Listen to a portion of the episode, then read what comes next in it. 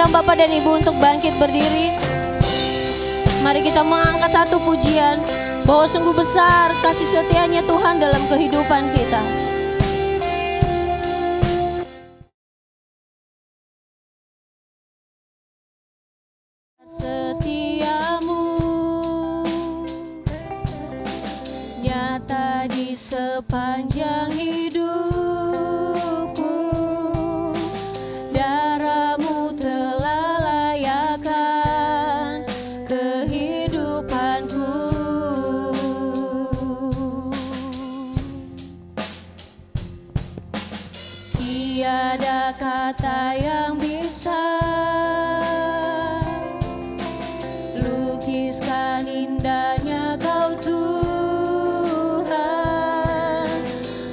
bagimu segala pujian.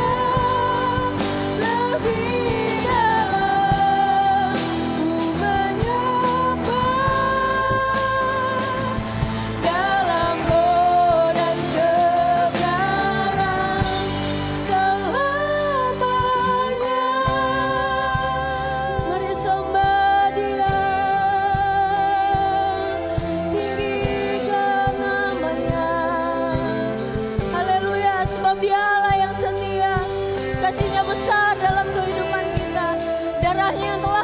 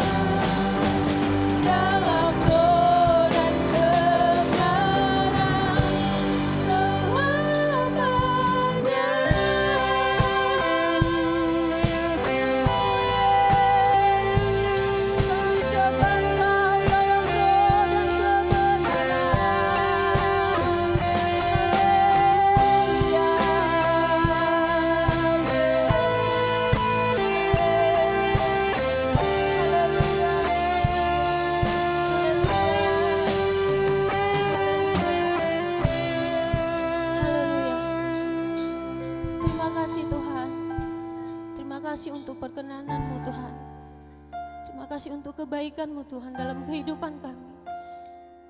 Kalau kami boleh ada sampai hari ini semua karena kasihmu Tuhan. Kalau kami boleh berdiri sampai saat ini semua karena kasihmu Tuhan. Sungguh besar setiamu dalam kehidupan kami Tuhan. Kami bersyukur untuk hari-hari yang kami lewati.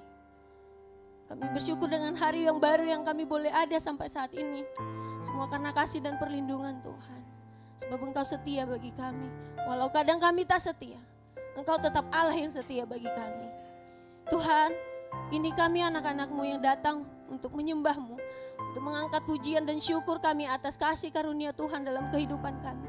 Kiranya persembahan kami lewat lagu puji-pujian Tuhan. Dan rangkaian ibadah pada hari ini.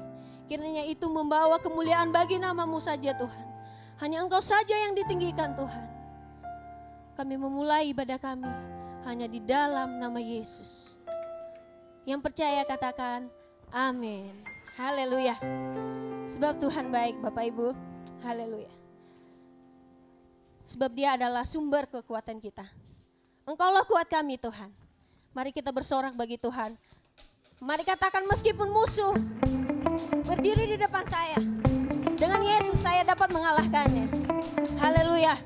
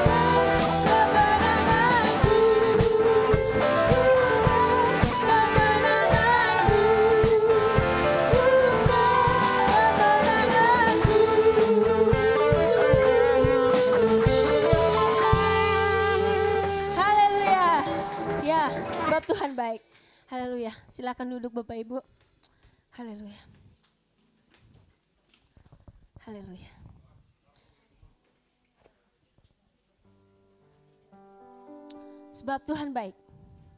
Dia sungguh baik bagi kita. Dia telah bangkit, dia telah mati bagi kita dan telah bangkit kembali buat kita juga. Dia adalah Allah penyelamatku. Haleluya.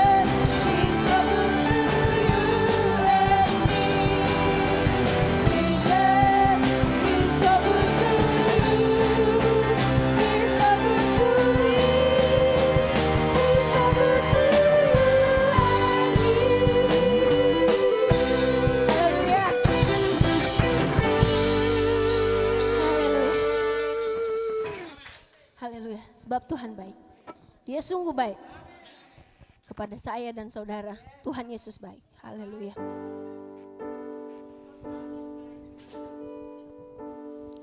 Sebab oleh kuasa darah Tuhan kita telah dilayakan. Sebab oleh pengorbanannya di kayu salib, kita boleh ada sampai hari ini.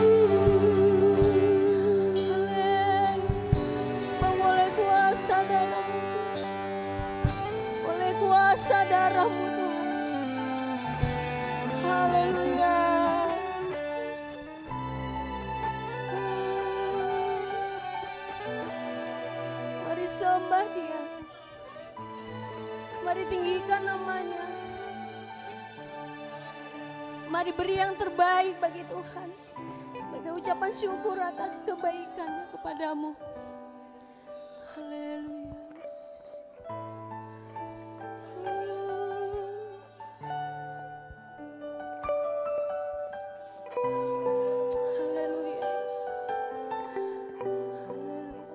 Mari nikmati hadirat Tuhan pada pagi hari ini. Bebaskan hatimu, bebaskan pikiran. Dirasakan Tuhan hadir di dalam hatimu.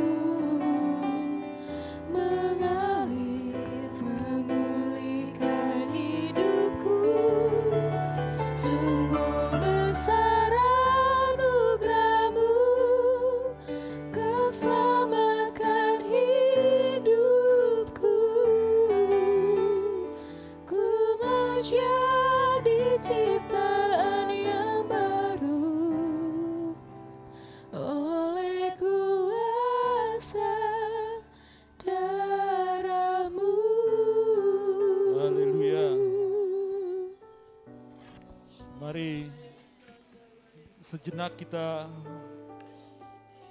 masing-masing berdoa. Hanya singer, WL singer saja naikkan refnya saja pujian ini. Dan mari kita nikmati kehadiran Allah. Biarlah kuasa darahnya mengalir memenuhi kami sekalian.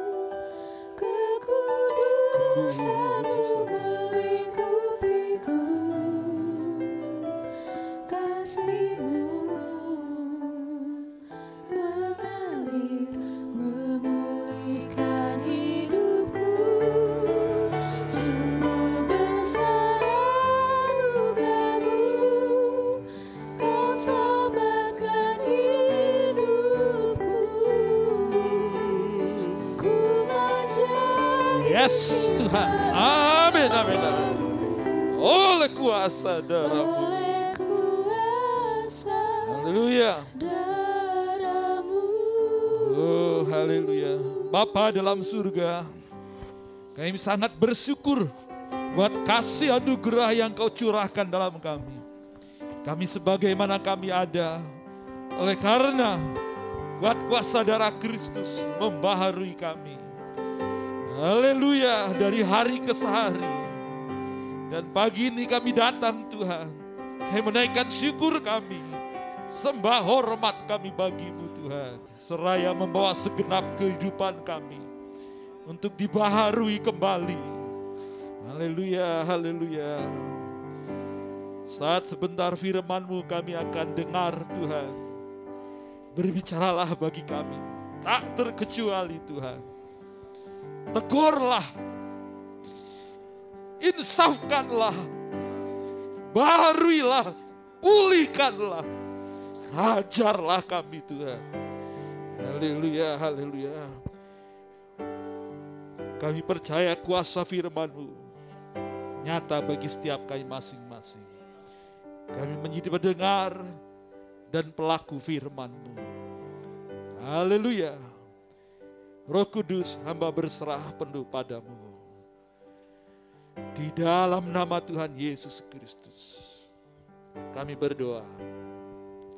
Amin, amin, amin. Puji Tuhan. Silakan duduk Bapak Ibu Saudara.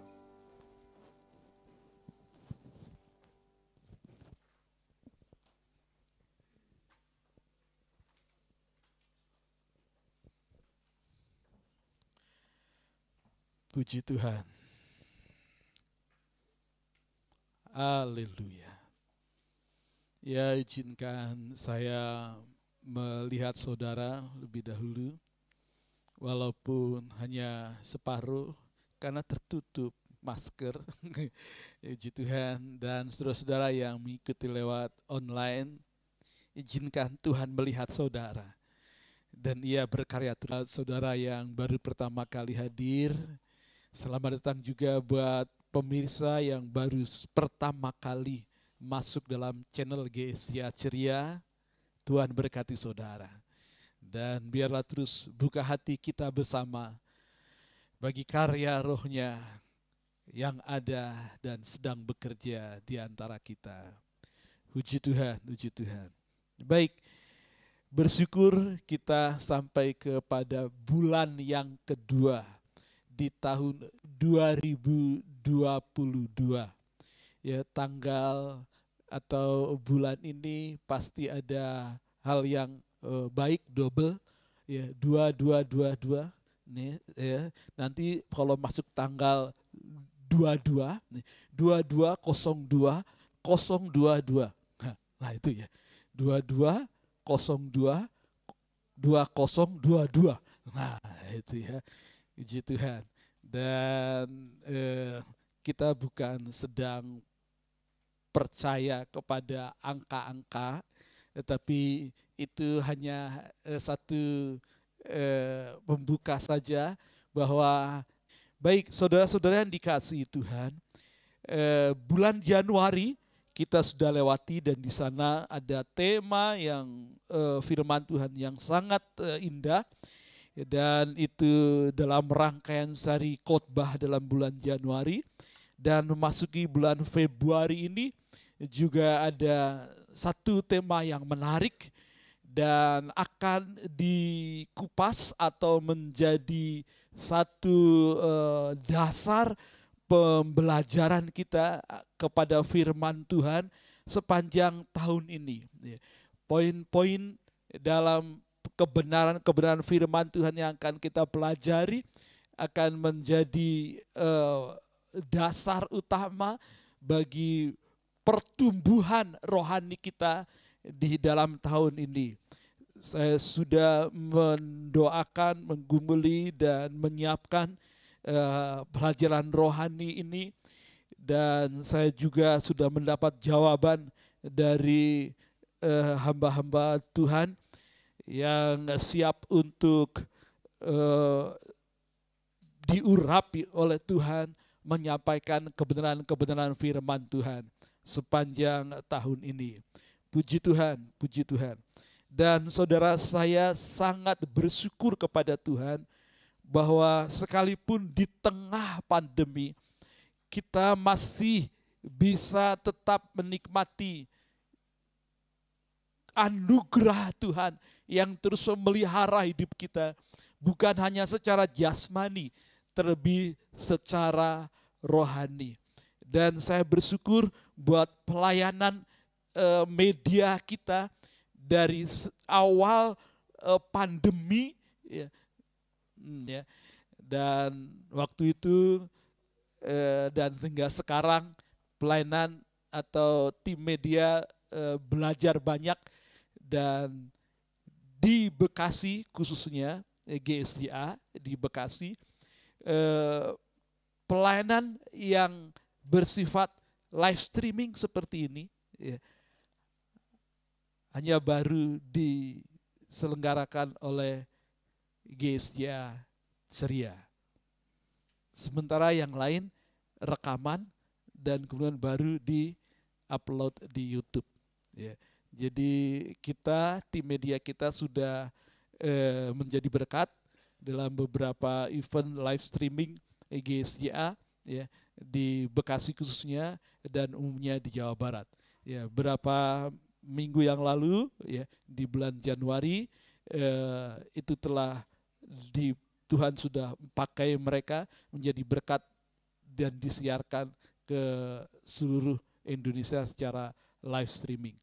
Jadi diberkatilah tim media eh, kita yang ada, anak-anak kita di sini. Puji Tuhan. Dan mari kita dukung eh, semua anak-anak Tuhan yang melayani dalam gereja Tuhan di tempat ini untuk terus berkembang di dalam pelayanan untuk kemuliaan nama Tuhan. Dan saya bersyukur dari gereja Tuhan tempat ini juga eh, banyak eh, hamba-hamba Tuhan yang dicetak dan anak-anak muda yang memberi dirinya dan juga beberapa mereka sudah menjadi hamba Tuhan dan pelayan Tuhan dan terus uh, bergulir dalam acara nanti pada tanggal 12 Agus eh 12 12 Februari. Iya betul ya. 12 Februari ada uh, acara yang menarik disiarkan secara live streaming juga itu sudah saya harap bisa mengikuti ya, itu acara sejabar bahkan disiarkan eh, seluruh Indonesia itu eh, temanya next gen ya sudah bisa hadir di situ ya dihadirkan lewat uh, Zoom sudah bisa mendaftar uh, dan itu sudah diumumkan di warta grup WA ceria. Jadi saya berharap sudah bisa hadir di sana. Tua, muda, besar, kecil, uh, orang tua khususnya dan kaum muda bisa datang di situ, ikuti Zoom itu dan itu sangat baik sekali. Dan nanti hostnya eh, dari gereja kita di tempat ini. Ya, eh, siapa dia? Ya, nanti lihat saja. Ya, tergabung saja eh, dalam itu dan itu sangat menarik. Biarlah dari tempat ini, dari ceria untuk Indonesia, dari ceria untuk dunia. Amin. Tuhan Yesus memberkati. Puji Tuhan. Baik, kita akan bersama melihat tema hari ini, yaitu bertumbuh dalam kesalehan. Ya. Mari kita buka Alkitab kita di dalam 2 Petrus pasal 1. Bertumbuh dalam kesalehan. Mulai ayat yang ketiga atau saya bacakan dari ayat pertama saja. Ya. 2 Petrus 1 ayat 1 sampai ayatnya yang ke-11, ayat 10 11 ya. Sampai ya. Demikian kebenaran firman Tuhan. Salam dari Simon Petrus, hamba dan rasul Yesus Kristus kepada mereka yang bersama-sama dengan kami memperoleh iman oleh karena keadilan Allah dan juru selamat kita Yesus Kristus. Salah satunya jemaat Gesia Ceria. Amin. Dapat salam dari hambanya Simon Petrus. Kasih karunia dan damai sejahtera melimpahi kamu oleh pengenalan akan Allah dan akan Yesus Tuhan kita. Karena kuasa ilahinya telah menganugerahkan kepada kita segala sesuatu yang berguna untuk hidup yang saleh oleh pengenalan kita akan dia yang telah memanggil kita oleh kuasanya yang mulia dan ajaib. Dengan jalan itu, ia telah menganugerahkan kepada kita janji-janji yang berharga dan yang sangat besar, supaya olehnya kamu boleh mengambil bagian dalam kodrat ilahi dan luput dari hawa nafsu dunia yang membinasakan dunia. Justru karena itu, kamu harus dengan sungguh-sungguh berusaha untuk menambahkan kepada imanmu kebajikan dan kepada kebajikan pengetahuan dan kepada pengetahuan penguasaan diri dan kepada penguasaan diri ketekunan dan kepada ketekunan kesalehan dan kepada kesalehan kasih akan saudara-saudara dan kepada kasih akan saudara-saudara kasih akan semua orang. Delapan, sebab apabila semuanya itu ada padamu dengan berlimpah-limpah, kamu akan dibuatnya menjadi giat dan berhasil dalam pengenalanmu akan Yesus Kristus Tuhan kita. Tetapi Barang siapa tidak memiliki semuanya itu, ia menjadi buta dan picik karena ia lupa bahwa dosa-dosanya yang dahulu telah dihapuskan. Karena itu saudara-saudaraku, berusahalah sungguh-sungguh supaya panggilan dan pilihanmu makin teguh. Sebab jikalau kamu melakukannya, kamu tidak akan pernah tersandung. Dengan demikian, kepada kamu akan dikaruniakan hak penuh untuk memasuki kerajaan kekal, yaitu kerajaan Tuhan dan juru selamat kita, Yesus Kristus. Amin. Puji Tuhan. Firman Tuhan yang ditulis oleh hambanya soko guru gereja Rasul Petrus, ya Simon Petrus ini begitu jelas dan tegas bagi kita. Dan ini akan menjadi satu pelajaran yang sangat penting kepada kita. Ayat yang ke-9 dikatakan, karena kuasa ilahnya telah menganugerahkan kepada kita segala sesuatu yang berguna untuk hidup yang saleh jadi penekanan ini kepada kehidupan yang saleh. Dalam bahasa aslinya teks Yunani, ya, hidup yang saleh sebenarnya kehidupan dan kesalehan. Ya. Tetapi dijadikan satu dalam bahasa Indonesia terjemahannya kehidupan yang saleh. Dan pada hari ini kita akan bersama-sama belajar Bagaimana agar kita bisa bertumbuh di dalam kehidupan yang, yang saleh ini. Saleh, hidup saleh bukan berarti hidup yang kudus semata, hidup yang suci semata, tetapi juga hidup yang beribadah. Bagaimana agar kehidupan kita di tengah dunia ini hidup dalam ibadah kepada Tuhan. Kehidupan yang saleh, di tengah dunia yang salah. Bagaimana kita dapat tetap saleh di tengah dunia yang salah? Ini bukan sekedar eh, permainan kata, tapi saya suka kutak-katik ya, eh, kata, dan itu memang betul. Saleh dan salah hanya beda huruf saja. di kedua ya yang terakhir. Saleh, salah. Ada orang yang beranggapan bahwa hidup saleh, hidup kudus zaman sekarang merupakan sesuatu yang mustahil. Tidak mungkin hidup kudus di tengah-tengah situasi yang penuh dengan kejahatan dan kerusakan moral. Tetapi pembacaan firman Tuhan menunjukkan kepada kita bahwa setiap orang percaya bisa hidup saleh, bisa hidup kudus. Firman Tuhan hari ini jelas mengatakan dan menuntut dan mengharuskan kita hidup yang saleh, menjalani kehidupan yang kudus, menjalani kehidupan yang beribadah kepada Tuhan. Kehidupan yang saleh adalah suatu kehidupan yang mewujudkan karakter Kristus dalam hidup kita. Sejak kita percaya kepada Yesus Kristus sebagai Tuhan Juru Selamat, penebus hidup kita secara pribadi, kita dilahirkan baru. Pujian tadi itu eh, sangat tepat sekali. Ya. Oleh kuasa darahmu kita dilahirkan baru. Dan selanjutnya kita lahirkan baru kita harus bertumbuh.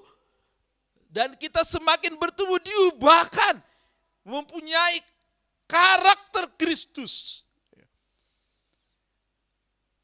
Setiap anak pasti mewarisi gen pembawa sifat dari orang tuanya. Ya. Dan demikian, kalau kita percaya kepada Tuhan Yesus Kristus, kita dilahirkan baru, kita menjadi anak-anak Allah. Dan karakter kita diubahkan Harusnya diubahkan. Ya. Sejatinya diubahkan karakter kita. Semakin seperti Kristus. Sebagai hamba Tuhan, gembala, saya bertanggung jawab cara rohani kepada dia yang mempercayakan pelayanan ini. Untuk membawa kawanan domba yang dia percayakan hidup bertumbuh di dalam Tuhan. Di mana karakter diubahkan. Terus menerus diproses sepanjang hayat di kandung badan. Seperti Kristus. Seperti Kristus. Pertanyaan yang pertama Mengapa orang-orang percaya bisa menjalankan hidup saleh kalau faktanya di dunia ini ya semua mengatakan bahwa mustahil untuk dapat hidup saleh di tengah dunia yang penuh kesalahan yang bobrok ini. Bagaimana bisa? Itu bisa. Karena satu, ayat tiga jelas mengatakan, Allah telah mengaruniakan segala sesuatu yang berguna untuk hidup saleh. Ayat ketiga itu jelas mengenakan bahwa ia Allah telah mengaruniakan kepada kita segala sesuatu untuk kita hidup saleh. Untuk dapat hidup kudus. Kudus bukan hanya berarti suci tidak ada dosa, tetapi kudus itu juga berarti suatu kehidupan yang berbeda, yang dipisahkan dari dunia, berbeda karakter sifatnya, DNA-nya dari dunia. Ketika kita dilahirkan baru, kita sesungguhnya mendapat di, atau dikaruniakan DNA baru. Yaitu DNA Kristus Yesus dalam kita. Seperti kita lahir secara lahiriah di dunia ini. Kita mendapat DNA dari orang tua kita. Ketika lahir baru kita dalam Kristus. Kita sesungguhnya telah dikaruniakan DNA ilahinya dalam hidup kita. Dan itulah yang disebut sebagai sesuatu yang sangat berguna yang menjadikan kita hidup bertumbuh, diubahkan, dikuduskan. Kata kudus atau saleh itu bukan hanya menyangkut status, tetapi itu kudus itu menyangkut juga eh, proses, dikuduskan, diubahkan. Ya. Haleluya. Amin. Disebut saudara-saudara adalah orang-orang kudus, bukan berarti kita ini eh, sudah bebas dari dosa.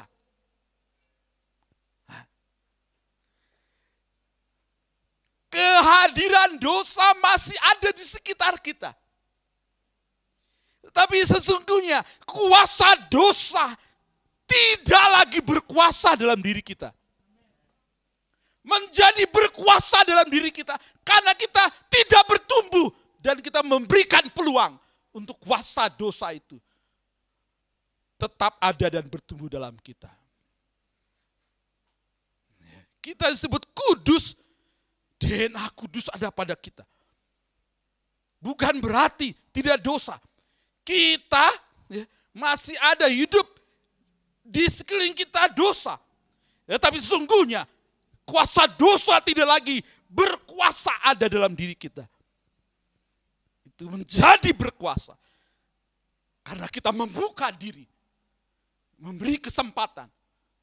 Kuasa dosa itu bertumbuh dalam kita.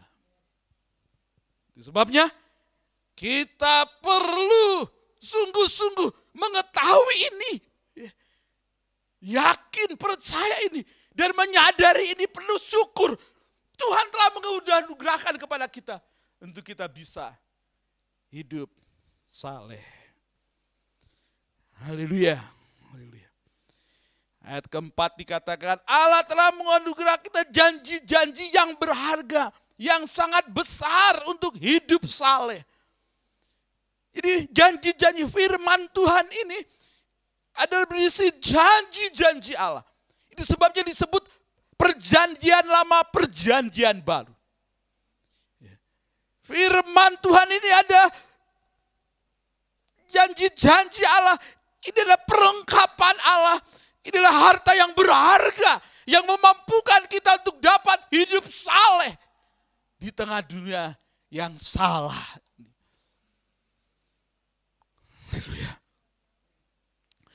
Kata menganugerahkan maksudnya melengkapi menghiasi. Dengan harta yang berharga itu. Ini menunjukkan bahwa Allah sangat serius dan sungguh-sungguh mempedulikan pertumbuhan rohani anak-anaknya. Sehingga yang memberikan semua fasilitas dan kebutuhan untuk hidup kudus.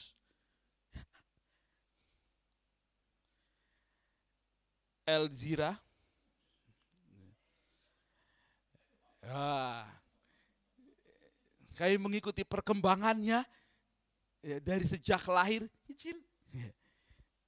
Ada yang bilang tangannya kayak cicak gitu. gitu.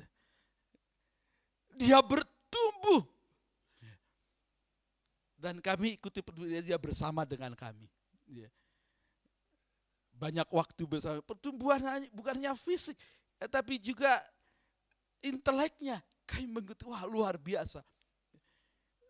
Sekarang banyak pakaian celana panjangnya, saya lihat baju tidurnya, oh udah cungklang. Eh cungklang bahasa apa ya? ya eh, gantung begitu ya. Tadinya wah sampai ke bawah. Ya. Sekarang oh, sudah betis ke atas, tumbuh dan terus bertumbuh. Diberi makan.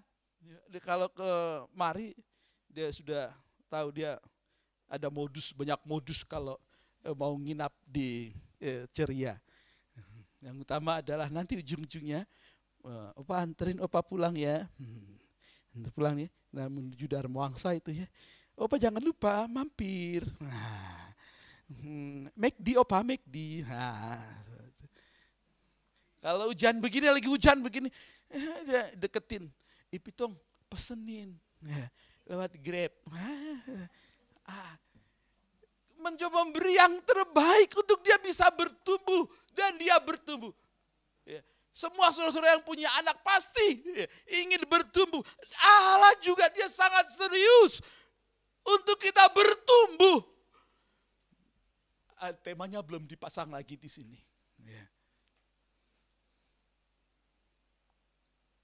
Grow together and grow and be impact together.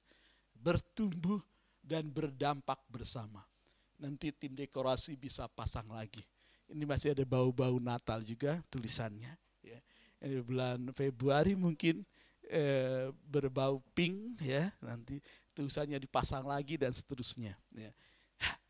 Itu tanda bahwa Allah memang benar-benar serius untuk kita bertumbuh. Kita bisa bertumbuh karena Allah memperlengkapi kita. Jadi Allah tahu bahwa kita bisa bertumbuh sama seperti saudara dengan anak saudara. Anak ini bisa bertumbuh dan sangat serius sekali. Allah sangat serius sekali. Yang kedua, bagaimana caranya? Nah, pertanyaannya. Bagaimana caranya agar orang percaya mewujudkan hidup yang salah itu dalam seumur hidupnya? Hidup saleh kudus dapat dijalankan oleh orang-orang percaya dengan mengembangkan tujuh sifat yang baik yang dimiliki Kristus dalam kehidupan sehari-hari. Ayat 5 sampai ayat 7 itu jelas mengatakan. Oleh sebab itu, kamu harus sungguh-sungguh berusaha untuk menambahkan kepada imanmu kebajikan. Kepada kebajikan pengetahuan. Kepada pengetahuan penguasaan diri kepada penguasaan diri ketekunan, kepada ketekunan kesalehan, kepada kesalehan kasih akan saudara-saudara, kepada kasih saudara kasih akan semua orang. Ya. Tujuh sifat karakter Kristus yang dikehendaki Allah menjadi karakter kita dan kita bertumbuh dalam hal itu.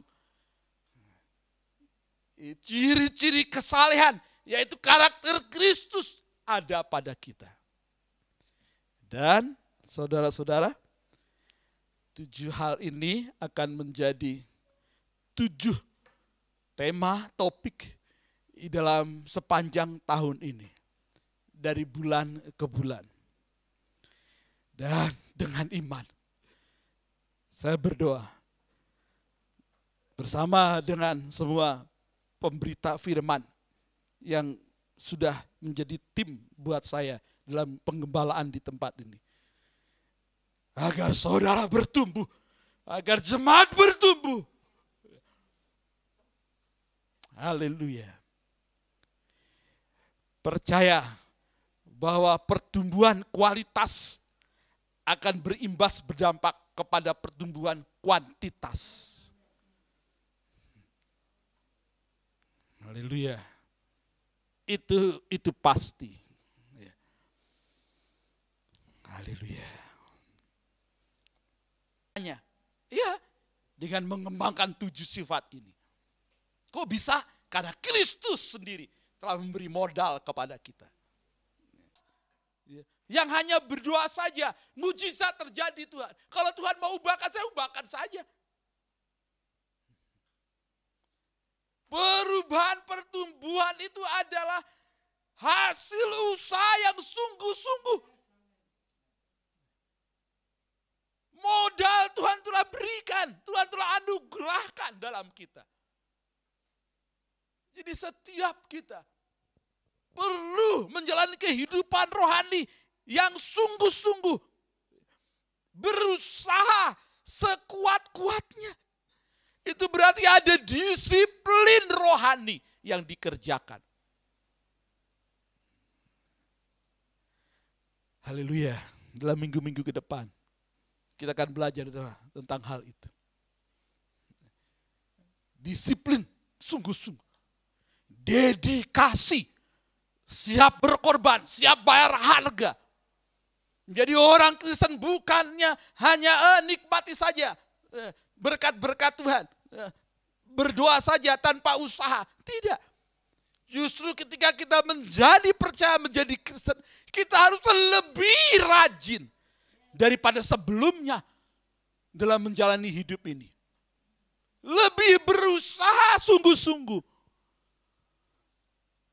Ya, baik dalam bekerja sehari-hari kita, saudara sudah karuniakan, Tuhan sudah mengaruniakan kepada saudara kesempatan-kesempatan untuk bekerja, sebagai modal untuk mencari nafkah mungkin di tempat pekerjaan, saudara dikaruniakan tempat bekerja, saudara juga dikaruniakan keterampilan-keterampilan, kebisaan-kebisaan.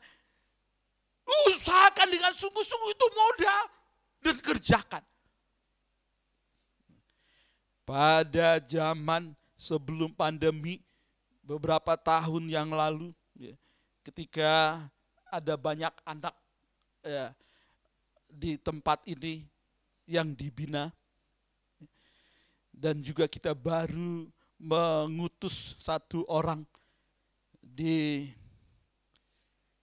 daerah Sumatera Selatan, Komering, saudara ingat? Itu saudara Sardi yang diutus, saudara ada eh, tahu atau mungkin lupa. Ya. Waktu itu kita punya proyek, proyek misi mengembangkan satu usaha UMKM, yaitu kue ketawa. Kayak menyebutnya itu kue misi. Kue ketawa itu sederhana tapi karena diseriusin jadi besar. Booming itu kue ketawa. Ya. Itu satu hari bisa membuat 500 pernah mencapai 800 butir kue ketawa hasil penjualannya bisa menghidupi dua keluarga jemaat di tempat ini. Dan keuntungan lebihnya ditabung untuk proyek misi di Komering, Sumatera Selatan itu. Saya bersama hambanya Yoke ya, membawa hasil keuntungan kue misi ke ketawa itu ke sana. Masuk ke pedalaman.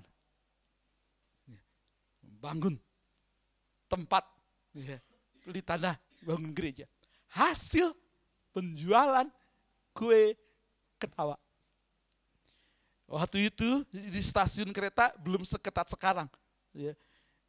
Ada marketing kita, ya, Ibu Lucy yang sekarang sudah di di Sumatera kembali pulang kampung. Ia bawa seplastik besar itu isi 200 biji kue ketawa. Dan dia berdiri di antara rel kereta pas pulangan eh, apa eh, jam pulang kantor. Dan dia sudah bungkusin 5 10 dan orang keluar dari eh, kereta dan membeli itu. Habis. Keluarganya bisa hidup dari situ hasilan keuntungan lebihnya ditabung proyek misi. Ya. Itu pernah kita kerjakan. Sebenarnya kita, kita punya modal. Kita harus berusaha sungguh-sungguh. Setiap kita kalau kita sungguh-sungguh pasti bisa. Ada istilah saya suka itu. Manjada wanjada. Saya kutip. Kan dibuat giat dan berhasil dalam pengenalan akan Kristus. Tak kenal maka tak sayang. Ya. Dan dalam vaksinasi ada slogan, tak kenal maka tak kebal. tak kenal eh, peduli untuk vaksinasi dan mengenal cara kerja eh, prokes itu, maka nggak akan kebal. Demikian dalam kehidupan kerohanian kita. Jika kita tak kenal Kristus, siapa Yesus sebenarnya? Dia pribadi yang ilahi, yang imanen, yang mau tinggal dalam kita. Dia bukannya Immanuel yang tinggi jauh di sana. Eh, tapi dia juga adalah imanen yang tinggal dalam kita. Sebenarnya ia adalah Tuhan Allah yang beserta kita alami kebesertaannya itu dalam hidup keseharian kita.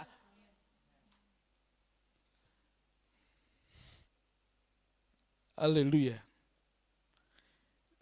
Tiga hari lalu, iya, dua hari atau tiga hari lalu, saya ada janjian dengan seorang untuk bertemu dan hanya lewat WA saja. Ya. Dia nggak pernah nggak penuh dia. Ya. Itu pertemuan yang pertama karena dia membutuhkan pelayanan konseling. Uh,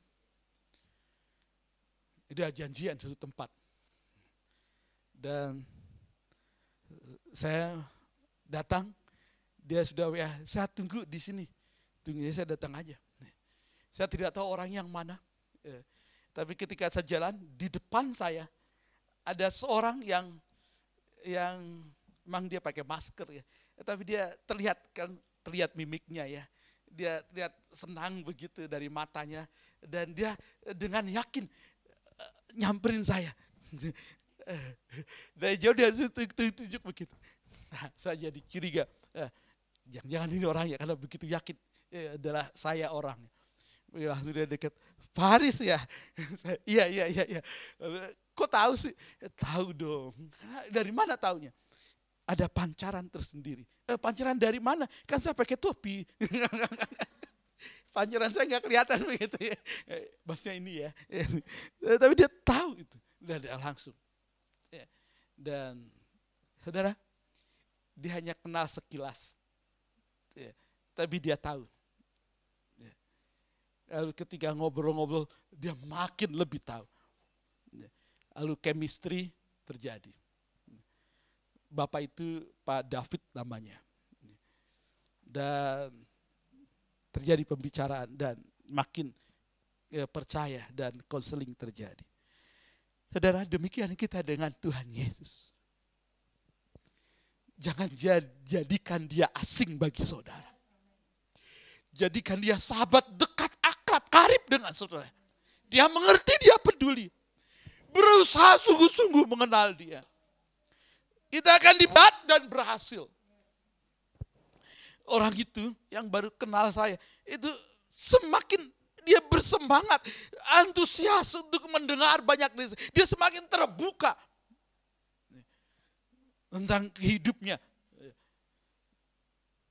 Berharap nanti eh, berhasil. Tapi langkah pertama itu telah menjadikan dia berhasil, eh, giat. Akhirnya terjadi pertemuan yang kedua kemarin. Kebetulan saya bisa begitu ya. ya. Lebih cepat, lebih baik. Kalau bukan kita siapa lagi? Kalau bukan sekarang siapa lagi? Ah. Ingat dulu. uh, ya. Sudah demikian dalam hal kita hidup saleh harus itu. Kita akan dibuat giat dan berhasil. Yang kedua, kita diberikan hak penuh untuk masuk dalam kerajaan surga. Orang-orang yang tetap kokoh dalam kekudusan kesalehan akan disambut dengan penuh hormat dalam kerajaannya. Seperti Stefanus. Walaupun di akhir hidupnya ia penuh dengan penderitaan. Karena dia dengan gagah berani dalam iman, dia menerima rajam, timpukan dari orang-orang yang menghukum dia, yang menolak dia. Dan dia mati di rajam. Tapi sebelum dia mati di rajam, mati kata meninggal kali ya. ya um, mati syahid ya martir, menjadi martir. Ya. Orang-orang yang membunuhnya ya, itu melihat wajahnya seperti malaikat. Stefanus berdiri dan menengadah dan dia berteriak. Dan orang-orang menutup telinganya karena tidak tahan. Apa yang dikatakan oleh Stefanus? Sungguhnya aku melihat langit terbuka dan anak manusia berdiri di sebelah kanan Allah Bapa. Bukan duduk, tetapi berdiri. Saudara bisa lihat ayat itu. Berdiri itu berarti suatu penghormatan. Standing. Enggak ada plus. Standing ovation. Berdiri. Tidak tercatat di sana bahwa anak manusia tepuk tangan enggak. Berdiri. standing applause. Yang memberikan penghormatan. Mungkin malaikat-malaikat bertepuk tangan. Ya, akan wow, ada penghormatan. Oh, sungguh luar biasa. Dan lalu ya menjadi martir. Paulus seperti itu juga. Dia bersaksi. Aku telah menghari tandingan. Sekarang telah tersedia bagiku mahkota kehidupan. Haleluya. Saudara, mari terus kita berjuang. Amin. Berusaha sungguh-sungguh. Ingat tiga hal, empat hal yang saya katakan. Jalani progres. Begitu? Ingat, jalani progres. Yang kedua, jalani progres. Yang kedua, cintai proses. Yang ketiga, jauhi protes. Kelak engkau akan sukses. Kita berdoa. Haleluya. Singer akan menolong. Well, pujian terakhir tadi. Oleh kuasa darahmu Tuhan. Kau lahirkan baru kami. Dan kau barui kami terus hari ke hari. Haleluya. Makin mengenal engkau. Hidup penuh kemenangan. Oleh kuasa darah. Haleluya. Puji Tuhan.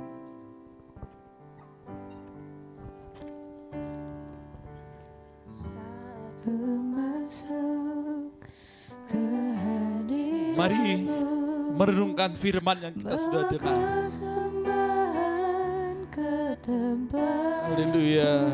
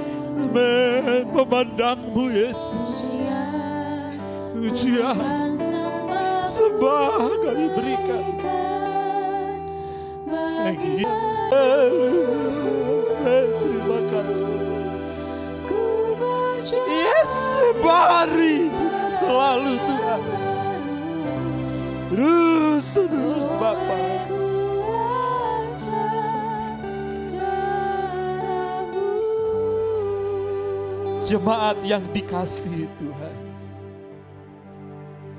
Hari ini kita akan mengingat akan korbannya. Darahnya yang tertumpah bagi kita. Ini adalah kasih karunia yang dikatakan tadi. Yang sangat berharga. Yang menjadikan kita dapat hidup dalam kesalehan di dunia ini. Dengarlah kalau pada hari ini engkau mendengar suara Tuhan. Jangan keraskan hati saudara. Jangan lemah sekalipun mungkin hidup tidak mudah. Jangan jadi khawatir sekalipun tak henti banyak ke- kegetiran. Pandang kepada dia. Juru selamat yang mengerti dan peduli.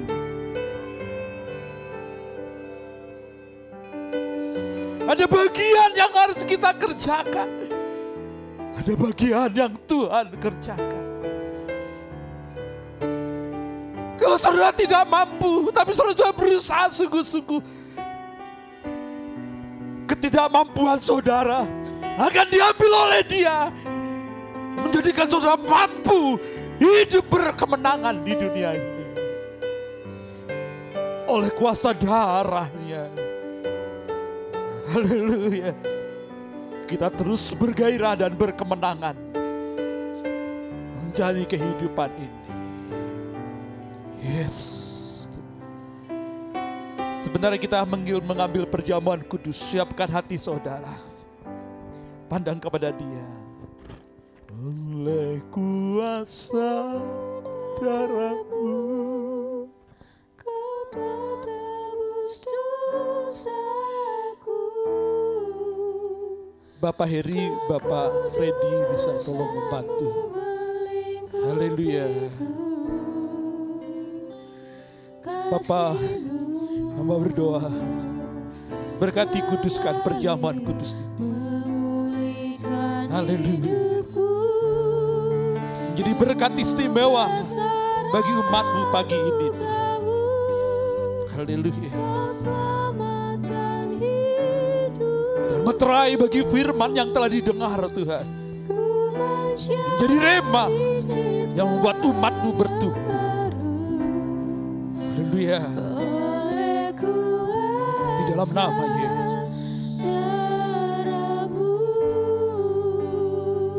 Silakan duduk saudara sementara materi perjamuan akan dibagikan.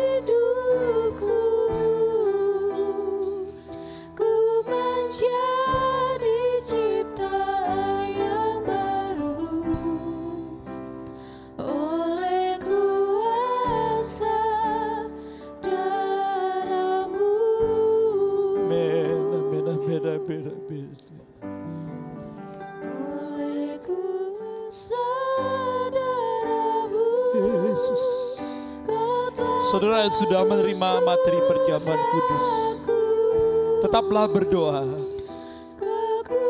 Aktifkan roh saudara sehingga perjamuan kudus ini menjadi berkat istimewa buat saudara. Haleluya.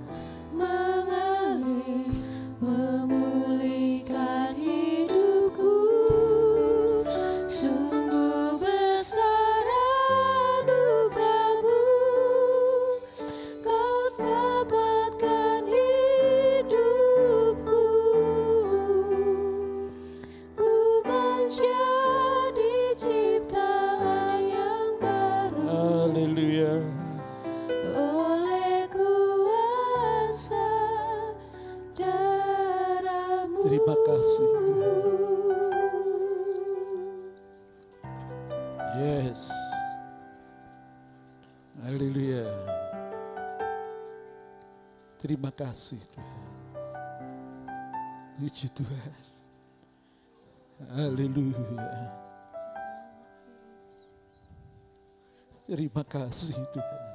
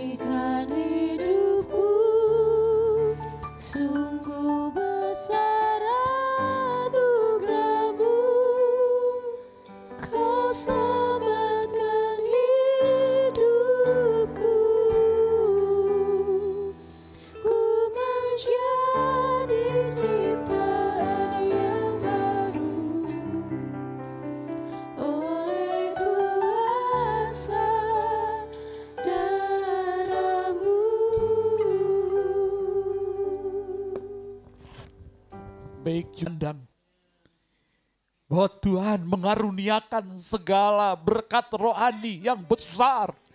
Untuk memampukan kita hidup saleh di dunia ini.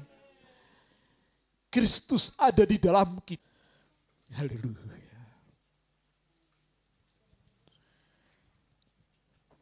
Demikianlah dibawa dibuat Yesus. Ia mengambil cawan sesudah makan dan berkata, Cawan ini adalah perjanjian baru yang dimeteraikan oleh darahku. Minumlah, perbuatlah ini menjadi peringatan akan aku. Kekasih-kekasih Kristus. Mari kita akan minum dengan iman, memandang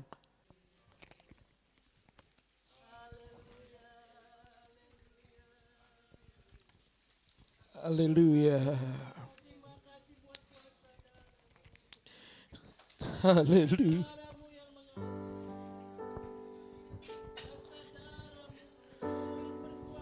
Haleluya. Mari angkat tangan saudara kepada Tuhan. Saudara yang sedang merasa lemah. Saudara yang sedang merasa tercurah. Tuhan mengampuni segala dosa-dosa kami. Pikiran hati, tubuh, jiwa, roh kami. Darah Kristus menguduskan.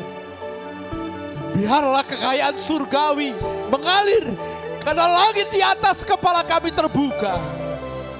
Tercurahlah dalam kehidupan umat Yang sakit disembuhkan. Haleluya. Mujizat kehidupan pribadi dan keluarga. Haleluya. Kekasih-kekasih yang didoakan dijamah oleh Tuhan. Keluarga dipulihkan. Suami, istri, anak-anak, keluarga dipulihkan. Di dalam nama Yesus. Di dalam nama Yesus. Haleluya. Oleh kuasa darahmu. Silakan duduk saudara-saudara. Tebus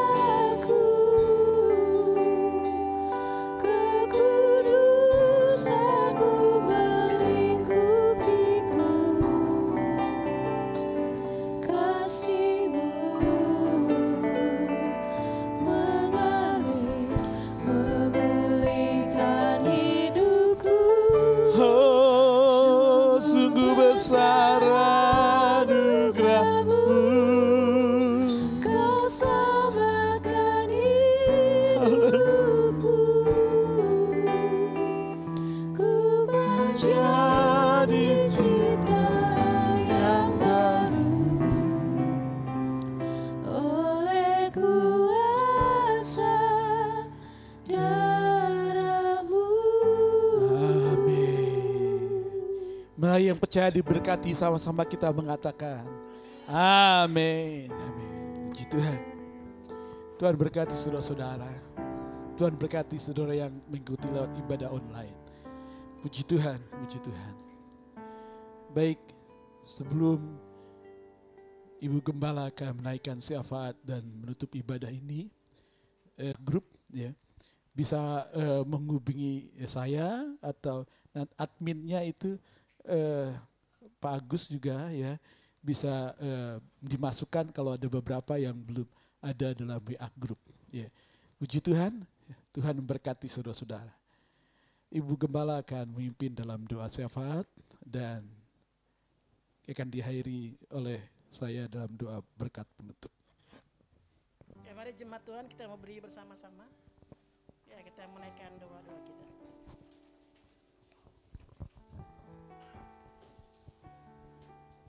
Kami datang kepadamu Tuhan karena Engkau mengajarkan kepada kami untuk minta. Engkau mengajarkan kepada kami untuk mengetuk. Engkau mengajarkan kepada kami untuk mencari. Maka kami mau melakukannya dengan penuh kesungguhan hari ini. Kami meminta, kami mendapatkan, kami mencari, kami mendapatkan, kami mengetuk pintu surga. Pintu surga akan dibukakan. Dan kuasa darahmu Tuhan membawa kami berkenan. Sehingga kami boleh layak memanggil engkau Aba ya Bapa. Karena engkau Bapa yang mengasihi kami. Seperti kami mengasihi anak kami. Engkau juga mengasihi kami Tuhan. Melebihi dari kami mengasihi anak kami. Karena engkau Bapa yang baik. Engkau Bapa yang baik. Kami mau berdoa Tuhan buat bangsa kami Tuhan. Apa pun yang terjadi buat bangsa kami, kami mencintai bangsa kami. Kami mengasihi bangsa kami. Karena kami ada di bangsa ini, kami bertumbuh. Kami mengenal Engkau dan kami diberkati. Kami mengasihi bangsa ini Tuhan. Dan kami mau berdoa bagi bangsa ini Tuhan. Biarlah Tuhan seperti Engkau telah menyelamatkan kami. Engkau menyelamatkan bangsa kami Tuhan.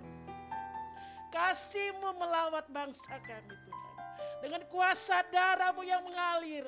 Kuasa darahmu mengalir dalam bangsa kami. Dan bangsa kami boleh percaya kepada engkau sebagai Tuhan dan Juru Selamat. Dan bangsa kami Tuhan boleh mengenal engkau Tuhan. Bangsa kami boleh berbalik daripada engkau. Ada banyak Jalan orang menyangka jalan mereka lurus, tapi ujungnya mereka menuju kebinasan. Ada banyak orang yang sedang berjalan menuju kebinasan. Oleh kuasa darahmu yang mengalir, biarlah Tuhan bangsa kami boleh mengenal Engkau sebagai Tuhan dan Juru Selamat. Kami berdoa Tuhan buat kota Bekasi. Kota Bekasi juga diselamatkan. Kota Bekasi menjadi kota Bekasi yang indah. Oleh karena kami ada di tengah-tengah kota Bekasi. Dan biarlah Tuhan Bekasi dipulihkan. Kami berdoa Tuhan buat gerejamu di tempat ini. Kami sangat percaya.